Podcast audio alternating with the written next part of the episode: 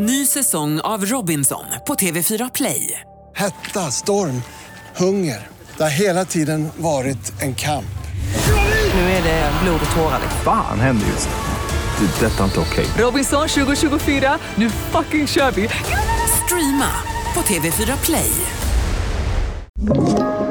Podplay. När livet går som allra snabbast är det lätt att man halkar till lite grann. Ta Lennart.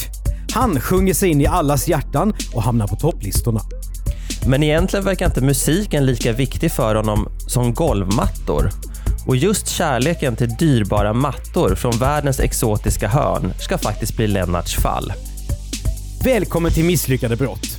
I studion sitter det schlagersvängiga bandet Utterströms. Ja, det är Z på slutet. Bakom trummorna, ivrigt flörtande med kvinnor på dansgolvet, sitter Mattias Bergman.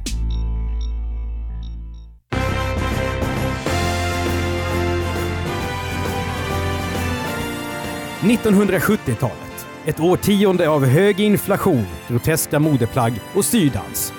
För vid den här tiden håller man i varandra när man rör sig till musik. På scenen framför det stora öppna dansgolvet står ett band iförda förskräckliga kostymer. Och ibland någonting som ser ut nästan som One Pieces. Och så spelar de ytterst svängig musik. Låtarna kan heta saker som “Vi har så mycket att säga varandra”, “Bara 15 år” eller “Eva, strippan från Trosa”. Vänta nu, det här sista, är det på riktigt eller har du skruvat lite här? det- nej det, det, Eva, strippan från Trosan är en otroligt svängig låt av eh, bandet Jörgen Edman och Polarna. Den är bland annat känd för att det är det bandet som sjunger i Stadshotellet-scenen i filmen Repmånad med Lasse Åberg. Oj, här blev det mycket trivia. Ja, man kan väl säga att det här är ju innan eh, feminism och metoo och eh, eh, Oh ja! politisk korrekthet kanske någon också skulle säga. Det här är en tid när man kan skriva eh, låttexter om hur vi åker ner till eh, Kanarieöarna och sen hittar du en kar och jag hittar en tjej och sen är det ren swinging. Liksom. Det, det kan hända. Eh, Jörgen Edman och Polarna kan jag säga, det är inte de som det här avsnittet handlar om. Nej, vi går, vi går vidare så vi landar i rätt person. Ja, men precis. Hur som helst, det vi precis pratade om är någonting som Lennart vet ganska mycket om. Och då vill jag bara säga att han heter inte Lennart, för det är inte min farsa eh, vi pratar om. Han heter nämligen Lennart. Nej, just det. Eh, Lennart är ett fingerat namn. Ja. Lennart är nämligen han är en av de som står på de här scenerna och sjunger. Han är en firad schlagerpopstjärna. Han har inte varit med i Melodifestivalen, eh, men folk vet definitivt vem han är. Han har en stor hit till exempel som folk nynnar på. Och den 26 april 1970, och då är Lennart knappt 20 år, då ligger han för första gången på Svensktoppen. Det folkkära musikprogrammet i Sveriges Radio. Och är man med på den listan, då är man ju någon. Lennart har också spelat in barnskivor som till exempel jag har lyssnat på med stor glädje när jag var liten. Är det sant? Det här är ny information. Att jag har lyssnat på barnskivor? Nej, att du har lyssnat på hans låtar som barn, det visste inte jag. A- absolut. Absolut. Lyssnar du också på eh, kåldolmar och kalsipper, eller var det för vänster för din mamma? Nej, inte för vänster, men för tidigt tror jag. Okej. Jag är för ung för det. Faktiskt, jag tror det. Ja, det här är i alla fall en speciell tid när det gäller stil. På 70-talet så görs bandplåtningar som är så groteska att Lady Gagas köttklänning framstår som trist. På ett av sina LP-album så poserar då Lennart i bar överkropp och hans namn och albumets titel är skrivet som en fake-tatuering på hans bringa. Han poserar i lejongul overall och en mustasch som går från mungiporna ner mot hakan och sen upp till polisongerna. Men det här måste vi stanna lite vid, för att det är, man har ju sett många sådana här eh, omslag och de brukar dyka upp på Instagram och sådär ibland. Eh, var detta ironi innan ironin var född, eller tyckte man att detta var snyggt? Eller funkade detta på Statt i Lindesberg? Alltså vad, vad är bakgrunden till den här utstyrseln egentligen? Jag tror du har rätt i alla tre punkterna. Men Okej. så om jag minns rätt, och det, om inte det är en faktoid, så började ju de här groteska bandkläderna, där ju alla då i dansbandet hade likadana kläder. Det började ju med att eh, de var tvungna att se ut så galna så att man skulle kunna dra av dem på skatten, som arbetskläder. Aha, Alltså, ing, de var så fula så ingen skulle gå runt med dem utanför scen helt enkelt.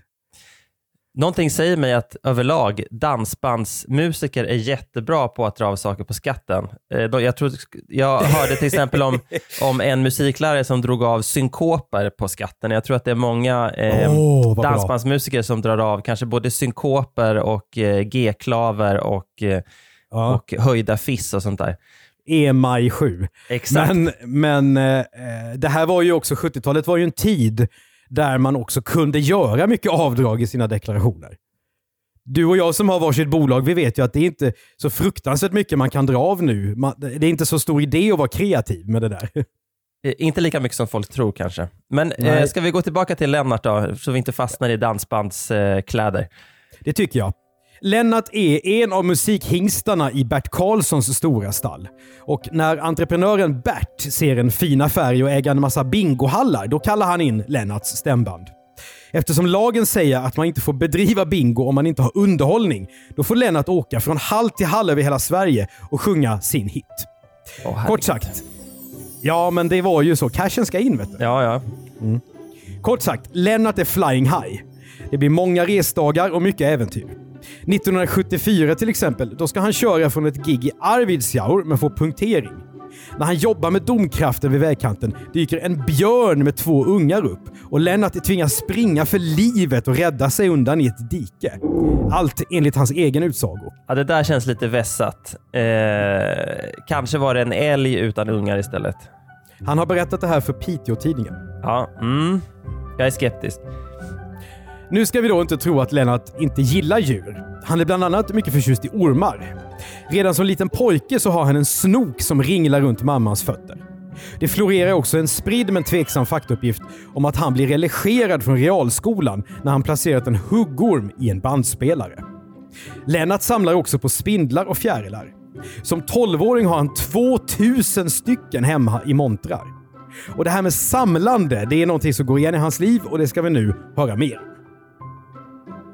Lennart är inte ens 30 år gammal, men han gör stor karriär och bor i en fin villa i idylliska Kvicksund som ligger någon mil väster om Västerås. Men då visar sig en orm i hans paradis. I mars 1974 får Lennart inbrott. Två dyrbara mattor hemma hos honom blir stulna. Och de har han betalat 80 000 kronor för. Det är så mycket som två årslöner för en kommunalanställd vid den här tiden. Det är ju för mig obegripligt, även om jag hade tio gånger så mycket pengar som jag har idag, att jag skulle lägga så mycket stålar på en matta. Vad Ja. är tjusningen med mattor? Ja, det, vi, vi kommer ju att berätta lite mer om det här intresset för att det är ju långt utöver ett vanligt inredningsintresse det här. Ja, Och Lennart har fler mattor kvar än de där två. För att berätta om sitt matteintresse så visar han polisen en annan pjäs som han säger är oerhört dyrbar. Och det här är ju liksom inte några standardmattor som till exempel Ikeas toppmoderna ryamatta Monaco som går lös på 480 kronor vid den här tiden, som är 2 gånger 3 meter. Utan Lennart, han vill nu såklart ha ersättning på sin försäkring för de här mattorna. Han hävdar att de är värda 160 000 kronor. Det är dubbelt så mycket som han har gett. Men han har inga intyg på att mattorna är värda så mycket. Istället så tar Lennart fram ett intyg för en annan matta och då blir det ju såklart jidder med försäkringsbolaget. Lennart försöker prata runt saken genom att beskriva andra mattor som han har sett i Köpenhamn och så visar han kvitton på att han har köpt andra mattor. Som om det skulle betyda någonting. Men till slut får Lennart i alla fall drygt 100 000 kronor. det tror jag nog var en arbetsseger. Kan du tänka dig den handläggaren på försäkringsbolaget som till slut säkert bara tänkte, okej, nu betalar vi ut någonting så att jag slipper diskutera med Lennart liksom en timme om dagen. Ja, det tror jag faktiskt. B- Vad, vad säger du om hans taktik här? Att han, om, om du får, säg att du får inbrott hemma och de stjäler ditt piano och då säger du att du har en dyr eh, dator. Nej, men jag, som, jag som har barn känner igen det här. Det är en klassisk fokusförflyttning. Eh, när de har gjort något dumt så börjar de prata om något annat som är lite så här, ha, har någon slags eh, vag koppling till det vi egentligen diskuterar för att eh, jag ska komma på andra tankar och för att de ändå ska komma undan. Så det, här, det här är garanterat något som även Lennart gjorde som barn när han hade pallat äpplen eller spelat hartsfiol eller något annat som han gjorde när han var barn. ja, hur som helst så kan man ju ändå förstå Lennart att han har ju en stor karriär. Eh, det går massor med timmar ute på vägarna varje år. Och sen samtidigt får han inbrott. Det måste ju vara ganska jobbigt för honom. Ja, men jag, jag fastnar ändå vid det här konnässörskapet kring just mattor. Alltså jag kan tycka att det här vinsnobberiet till exempel är ganska löjligt, men jag förstår ändå var det kommer ifrån, för då är det så här, det är vissa områden, vissa druvor, så kan man åka dit och så kan det finnas någon slags historia kring någon viss producent och, och, och allt det där. Och det finns något kittlande i att det kanske ligger i, i 20 år i en källare innan man dricker och sådär. Men vad är liksom triggern när det gäller mattintresse? Är det samma sak där? Hur det är tillverkat, vad det är för material? Eller jag, jag har Ja, liksom ja. aldrig träffat en Ja, mattnörd tror jag. Alltså, jag, jag är ju ingen mattnörd själv, men jag tror att tjusningen eh, som du beskriver med vin, den är exakt likadan med mattor. Resorna, historien i produkten, det fina hantverket. Ja. Eh, mattnördar, mejla och förklara till, vad då Mattias? Misslyckade brott at bplus.se. Ny säsong av Robinson på TV4 Play. Hetta, storm, hunger. Det har hela tiden varit en kamp. Nu är det blod och tårar. Fan händer just nu. Det. är Detta är inte okej. Robinson 2024, nu fucking kör vi! Streama på TV4 Play. Ett poddtips från Podplay. I podden Något Kaiko garanterar östgötarna Brutti och jag, Davva, dig en stor dos skratt. Där följer jag pladask för köttätandet igen. Man är lite som en jävla vampyr. Man har fått lite blodsmak och då måste man ha mer. Udda spaningar, fängslande anekdoter och en och annan arg rant. Jag måste ha mitt kaffe på morgonen för annars är jag ingen trevlig människa. Då är du ingen trevlig människa, punkt. Något Kaiko, hör du på Podplay. Därför är gardinerna.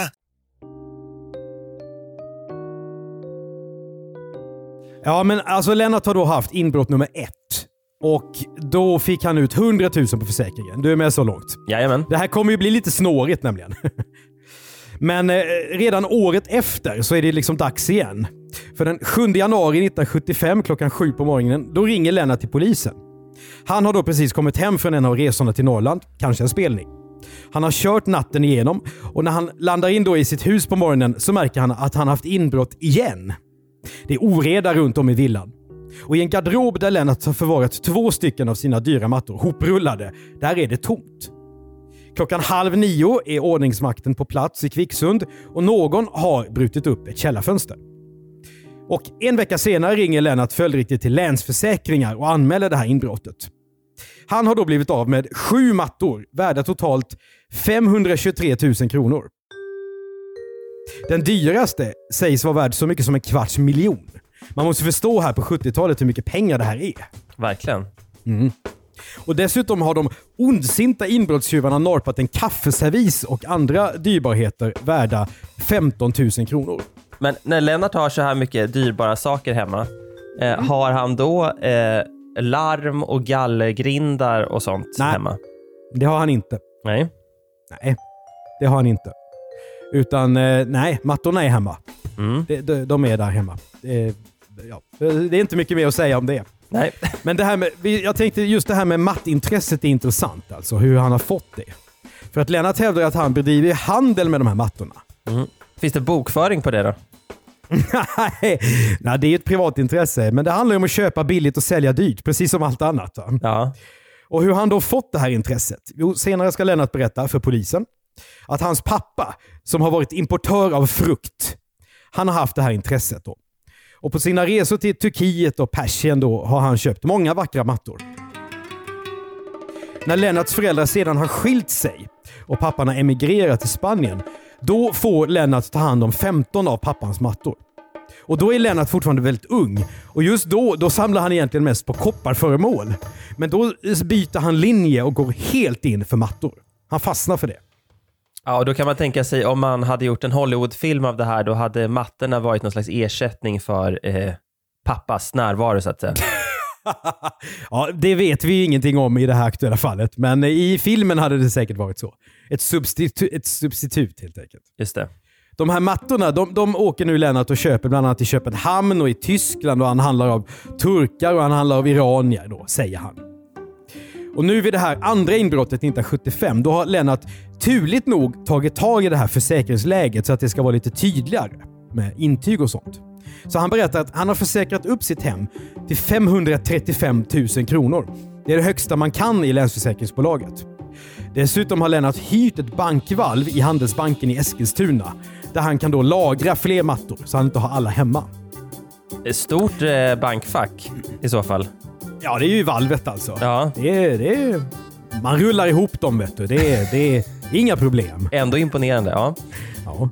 Jag tycker en annan sak, jag är ju en väldigt bekväm person, men just det här med att släpa mattor över halva världen. När man istället skulle kunna intressera sig för dyra smycken eller armbandsur eller något sånt där. Vad- vad- det hade varit lite enklare. ja, men det var inte det som pappa höll på med. Nu kommer vi tillbaka till Hollywoodfilmen igen. Allt går tillbaka till pappa. Det vet du att det alla berättelser om framgångsrika män i USA, de kommer tillbaka till deras relation till deras pappa. My father said. My father always said, ja, som Joe Biden säger innan han hittar på saker som pappan aldrig har sagt. Men det är en annan historia. Ja, freudianen Andreas Utterström. Ja. Helt enkelt.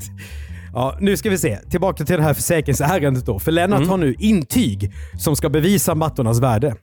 Och de är visserligen så nyskrivna att bläcket knappt har torkat på dem, men han behöver ju de här för att få ut pengarna på försäkringen. Lennart säger att han har lånat pengar för att köpa mattorna, så han måste få tillbaka pengar. Så han behöver få tillbaka värdet på mattorna. Länsförsäkringar betalar ut 550 300 kronor till Lennart och de tar han då raskt och flinkt ut kontant på sitt bankkontor. Men eh, sen så bedrivs det då polisspaning i det här ärendet såklart. För mattmarknaden, den är inte större än att om de här ovanliga exemplaren skulle dyka upp någonstans, då kommer någon åka dit. Det konstiga är nu att polisen lyckas inte hitta de här mattorna någonstans. Mm, det kan man ju undra vad det beror på. Eh, oklart. Än så länge i alla fall. Tre år går. Lennart jobbar vidare och han lever ju ut sitt matteintresse. Eh, huset i Kvicksund har han kvar och han eh, fyller 30 år och allt går liksom sin gilla gång i livet. Men hur är det med musikkarriären vid den här tiden? Den rullar på fortfarande, eller är Han, det... ja, nej, ja, ja, han har fortfarande Ja. en karriär. Han har Mm. fortfarande karriär. Den Ja. stora hitten eh, kommer han aldrig att kunna överträffa. Okej. Eh, men, men han kör på. Han Men det är inga problem att hanka sig fram, så att säga? Nej, nej, nej, nej, nej. Absolut inte. Han lever på detta. Och nu har han även bytt försäkringsbolag. Det är jätten Skandia som har fått den stora äran att försäkra Lennarts mattor för totalt 2,34 miljoner kronor. Det motsvarar nästan 8 miljoner idag, Andreas. Mm. Men Lennart hävdar att det räcker inte. Utan steg för steg så har han höjt försäkringsvärdet på sina mattor. Med nya intyg då som bevis. Hösten 1978 då handlade det om så mycket pengar att Skandia kräver att Lennart installerar ett larm i villan. Ganska rimligt krav kan jag tycka. Ja, det är ju ett under att han, eller väldigt konstigt att han själv inte tyckte att det här var en bra idé. Ja, det är konstigt Innan. när man, har haft, Ja. när man har haft två inbrott och ändå inte har något larm. Mycket märkligt. Man, Lennart är ju också en, en offen- offentlig person. Man skulle kunna tänka sig att någon eh, tror att han har mycket pengar. Och därmed är, att det är stöldbegärligt i, i villan. Men nej, tydligen så kör han som det går.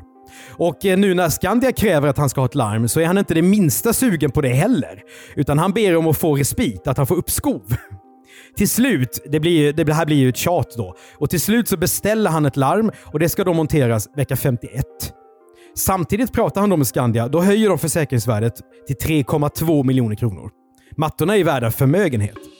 Men precis efter detta, innan larmet sitter på plats, då slår ödet till igen och Lennart får ett inbrott till. Vilken timing. Al- Alltså, vad är oddsen Andreas? Ja, vad är oddsen? Ja, vilken otur han har.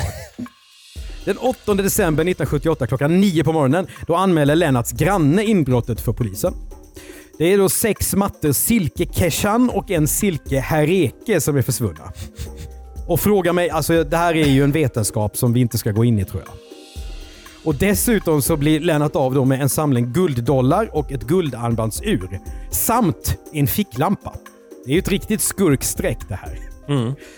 Och efter nyår 1979 anmäler Lennart följdriktigt stölden till Skandia. Men försäkringsbolaget anar ugglor i mossen. När de börjar reda ut var Lennart har skaffat de sju mattorna någonstans, då vägrar han att berätta. Det har ni inte med att göra, säger han till Skandia. Och det är ju en usel inställning om man vill ha ut på sin försäkring. Skandia betalar ingenting. Lennart åker till och med upp till bolagets huvudkontor mitt i Stockholm för att få ut på sin försäkring. Men eftersom han fortfarande vägrar berätta var han har fått mattorna ifrån, då blir det inga pengar. Istället, Andreas, så blir det naturligtvis förundersökning och förhör av Lennart. Ja, för detta är ju, det är väl bland de mest genomskinliga bedrägeriförsök vi har berättat om i den här podden. Det osar katt. Och Ja. Det tycker även polisen. För frågetecknen här är ganska många. Lennart har ett dolt hemligt utrymme då i sitt hus där han ska kunna gömma åtråvärda saker. Och Han har ju flyttat runt de här mattorna hemma. De har varit i garderober och de är i gillestugan och lite överallt. Va? Det märkliga är just att de dyrbara och försäkrade mattorna, som Lennart är så mån om, de hänger framme synligt. Varför har han inte de mattorna i det dolda utrymmet? Ja, det är ju jättekonstigt. Är, han, Ja. i- är han inte riktigt eh, eh, klar i huvudet vid den här tiden? Man börjar nästan misstänka att Lennart inte är så ledsen över att ha inbrott och bli av med grejer. Precis. Dessutom har Lennart ju ett hyrt bankvalv i Eskilstuna. Varför är inte mattorna där? Och sen är ju frågan, vilka av alla mattor har varit i bankvalv? Vilka var i gillestugan? Vilka stod i garderober? Och vilka var hemma hos Lennarts mamma? För det var ett gäng som var det också. Hur var det med värderingsintygen på de här mattorna? Hur gick inbrotten till? Alltså är det en tillfällighet att bara försäkrade mattor har stulits i det senaste inbrottet? Trots att Lennart har andra antikviteter och silverföremål och mässingsprylar och sånt som stått fullt synliga i huset men får stå, stå kvar. Många detaljer måste redas ut. Ja, jag avundas ju inte poliserna som ska utreda det här. Det här, det här, är, inte, det här är jobbigt. Du borde inte heller avundas mig som har läst domen. Nej, Jag kan tänka mig att det är sida Som- upp med sida ner om olika mattor. Alltså den är 60 sidor och det är inte så mycket när det handlar om misslyckade brott. Men det är en av de mest komplicerade domar eh, som jag har läst faktiskt i den här podden. Och det beror på att det, det, eh, Len, det Alltså du och jag, du hade, vi hade väl ungefär haft en slags numrering. Så att vi hade haft 25 saker som är värda saker. Och så hade vi haft 25 värderingsintyg. Ja. Då hade vi ju haft någon form av ordning på detta, ungefär som vi har med vår bokföring. Mm. Det är alldeles uppenbart att Lennart har inte haft det på det sättet. Det är, ju, det är ju även så att på de här intygen så är det ibland fel mått på mattorna och intyget. Åh, herre. Och, och domstolar som hatar oordning. Ja, både domstolar, åklagare och poliser hatar ju oordning i sådana här fall. Och det är ju också så, eh, eftersom det här är ett specialintresse och de här mattorna, de är ju stulna. Och Lennart, eh, det står ingenstans om några foton på de här mattorna. Och Det gör att man får ju börja döpa de här mattorna och, försöka nästan uppfinna ett eget slags eh, kodspråk då för vilken matta som är vilken. Det handlar om, eh, domen omfattar, om jag minns rätt, 75 mattor som Åh, nämns. Åh herregud. Mm. Ja, det är mycket detaljer som ska redas ut. Och Lennart, han har det inte lätt heller. Han sitter häktad och det trivs han inte det minsta med. Han kan ju inte resa nu heller, så varken turnéer eller några nya mattimporter är tänkbara.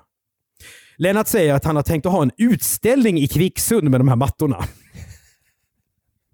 Och Det här påminner mig nästan lite grann om en man i, i Karlskrona där jag är född som hävdar att han har en äkta da Vinci.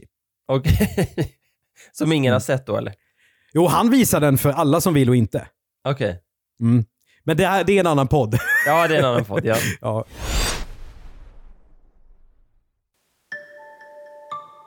Lennart säger sig att han har sett misstänkta zigenare och det är ju så man säger på den här tiden. Och De har då trålat runt i bil i Kvicksund. Och En polis hävdar Lennart har sagt till honom att de här personerna är specialister på stöld av äkta mattor.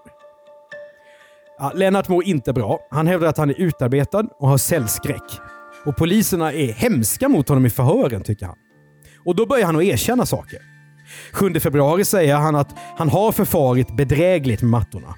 En vecka senare berättar han att han själv har fejkat inbrottet i sin villa. Och Han erkänner också att han har gömt undan mattor i villan. Då går polisen hem till Lennart och i ett dolt utrymme då i huset då hittar de mycket riktigt fem stycken mycket vackra mattor.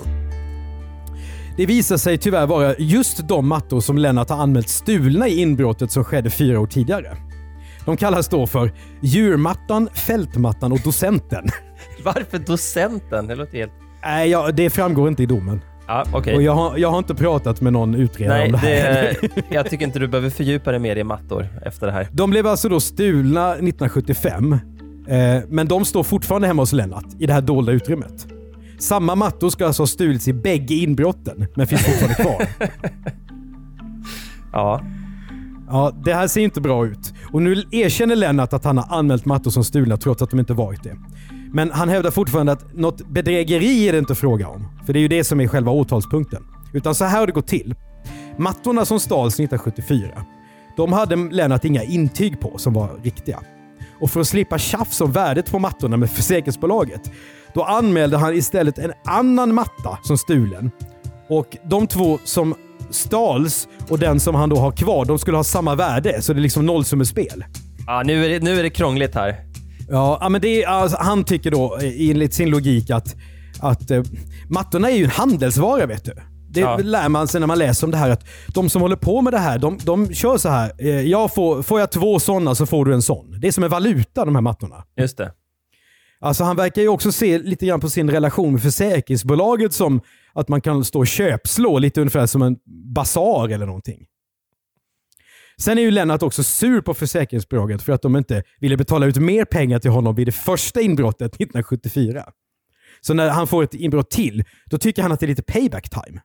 Och därför har han också trumlat in ett värderingsintyg för en matta som inte var stulen och inte ens finns. I förhör så säger Lennart att ja, matta nummer tre, det var ju bara ett papper. Ja, ett, ett försök att få lite ränta helt enkelt. Mm. Och vad blir det då för åtalspunkter för det här då? Jo, grovt bedrägeri, försök till grovt bedrägeri och grov varusmuggling. Och det här eh, fallet, Lennart går upp i tingsrätten i Eskilstuna i juni 1980. En utmaning för rätten och för mig då när jag ska försöka berätta den här historien på ett redigt sätt. Det är att först så erkänner Lennart en mängd saker i förhören som vi berättade om. Bara för att dagen efter tar han tillbaka det mesta. När det handlar om en enskild matta till exempel, då ger han sex olika versioner av hur han får tag i den. Så han, han ändrar totalt över 50 faktauppgifter. Åh herregud. Apropå vad du sa, att det tycker inte utredare om.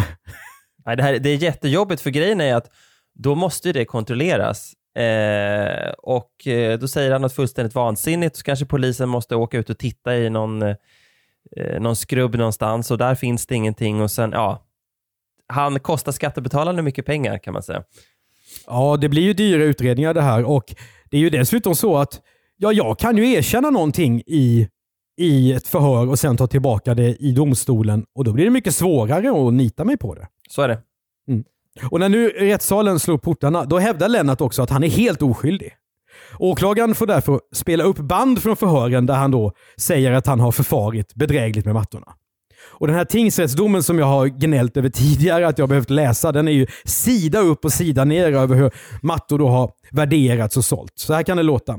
Någon gång under 1974 förvärvade han av Dieter Wagner en silke täbritsmatta och två Isfahan-mattor. Som valuta lämnade han ett par ull Keshan-mattor samt en turkisk silkesmatta. Möjligen lånade han också någon kaukasisk matta. Ja, här får man ju också tänka in att polisen har ju inte en hel avdelning just när det handlar om mattbrott. Nej, det här måste varit en mardröm för, all, för alla parter, inklusive Lennart då som har ställt till det för sig. Ja, han mår ju väldigt dåligt också i häktet. Han är uppenbart en av de personer som inte ska sitta i häkte, rent Nej. psykiskt sett. Ja, det är ju inte så konstigt att det här blir komplicerat. För att man ska ju både komma ihåg hur mattor har sett ut och när de har köpts och av vem och när man har skrivit värderingsintyg.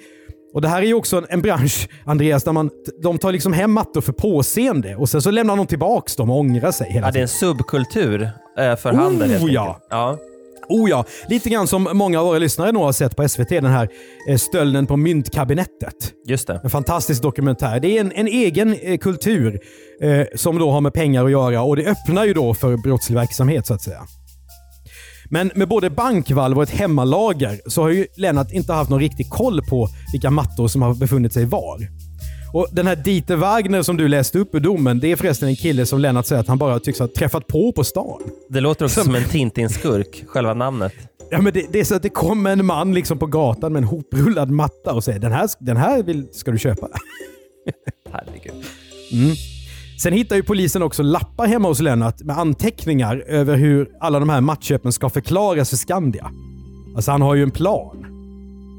Åh herregud. Ja. Åklagaren har då lyckats ta fram en mycket komplicerad indiciekedja som vi inte ska återge här. Hur då mattor har bytt händer och intyg har skrivits. Så det är en riktig soppa. Tingsrätten går igenom matta för matta.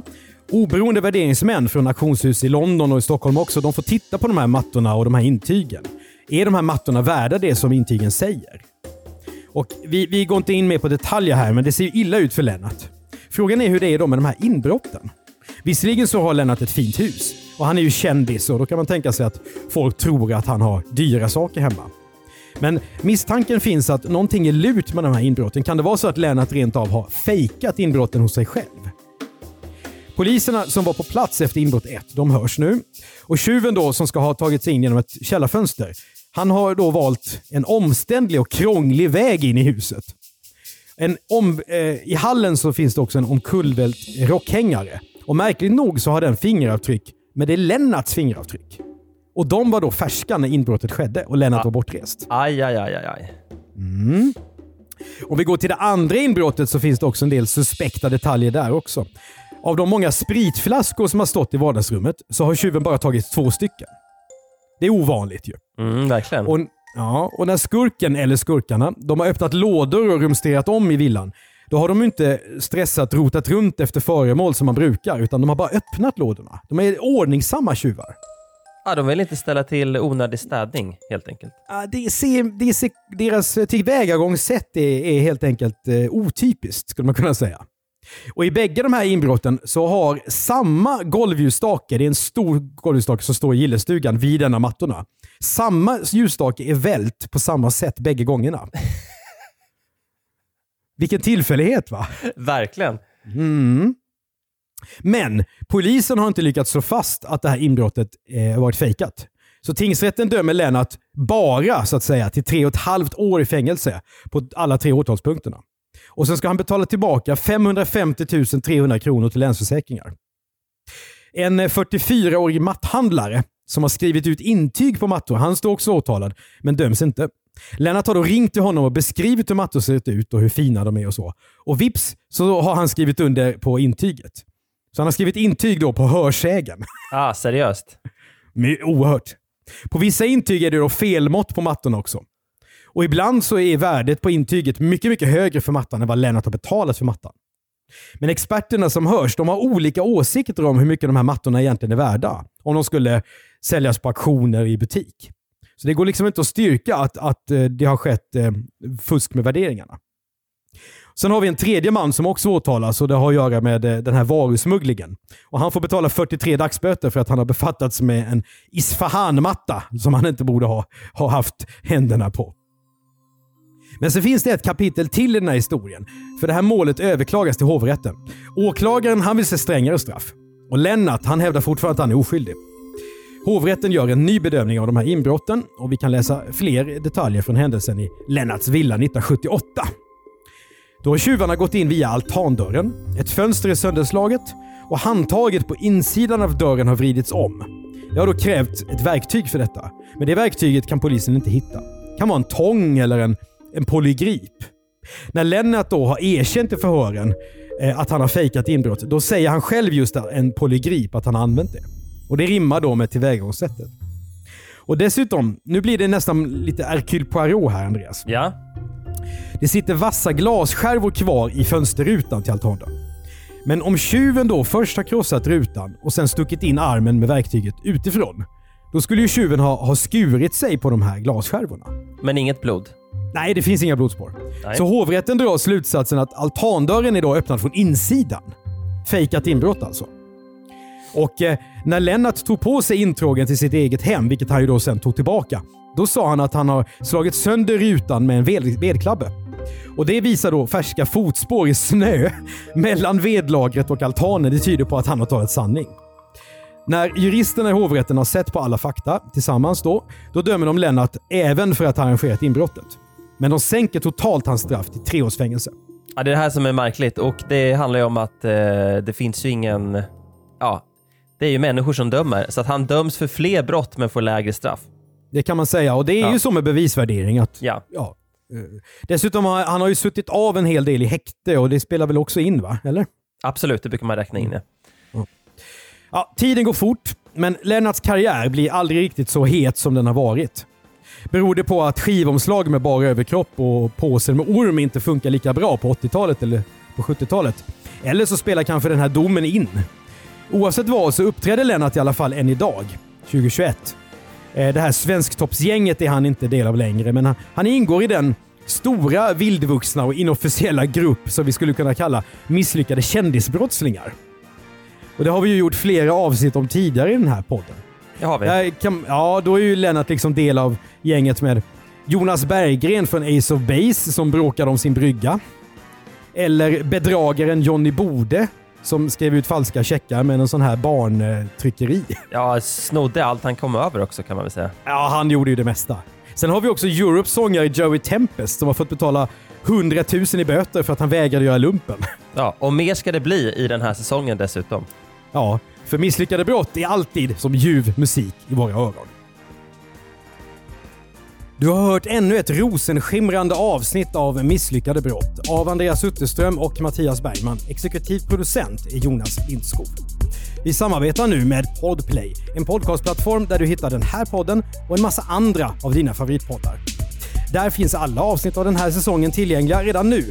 Antingen om du går in på podplay.se eller laddar ner Podplay-appen. För Podplay gör vi också poddarna Misslyckade affärer, Misslyckade makthavare och Jag var där. Och så driver vi innehållsbyrån Commercial Content och gör då podden Världens bästa innehåll. Betygsätt gärna Misslyckade brott och släng en kommentar om den i din poddspelare så är det fler som hittar till den. Och tipsa oss, för guds skull, om fler misslyckade brott till misslyckade bplus.se.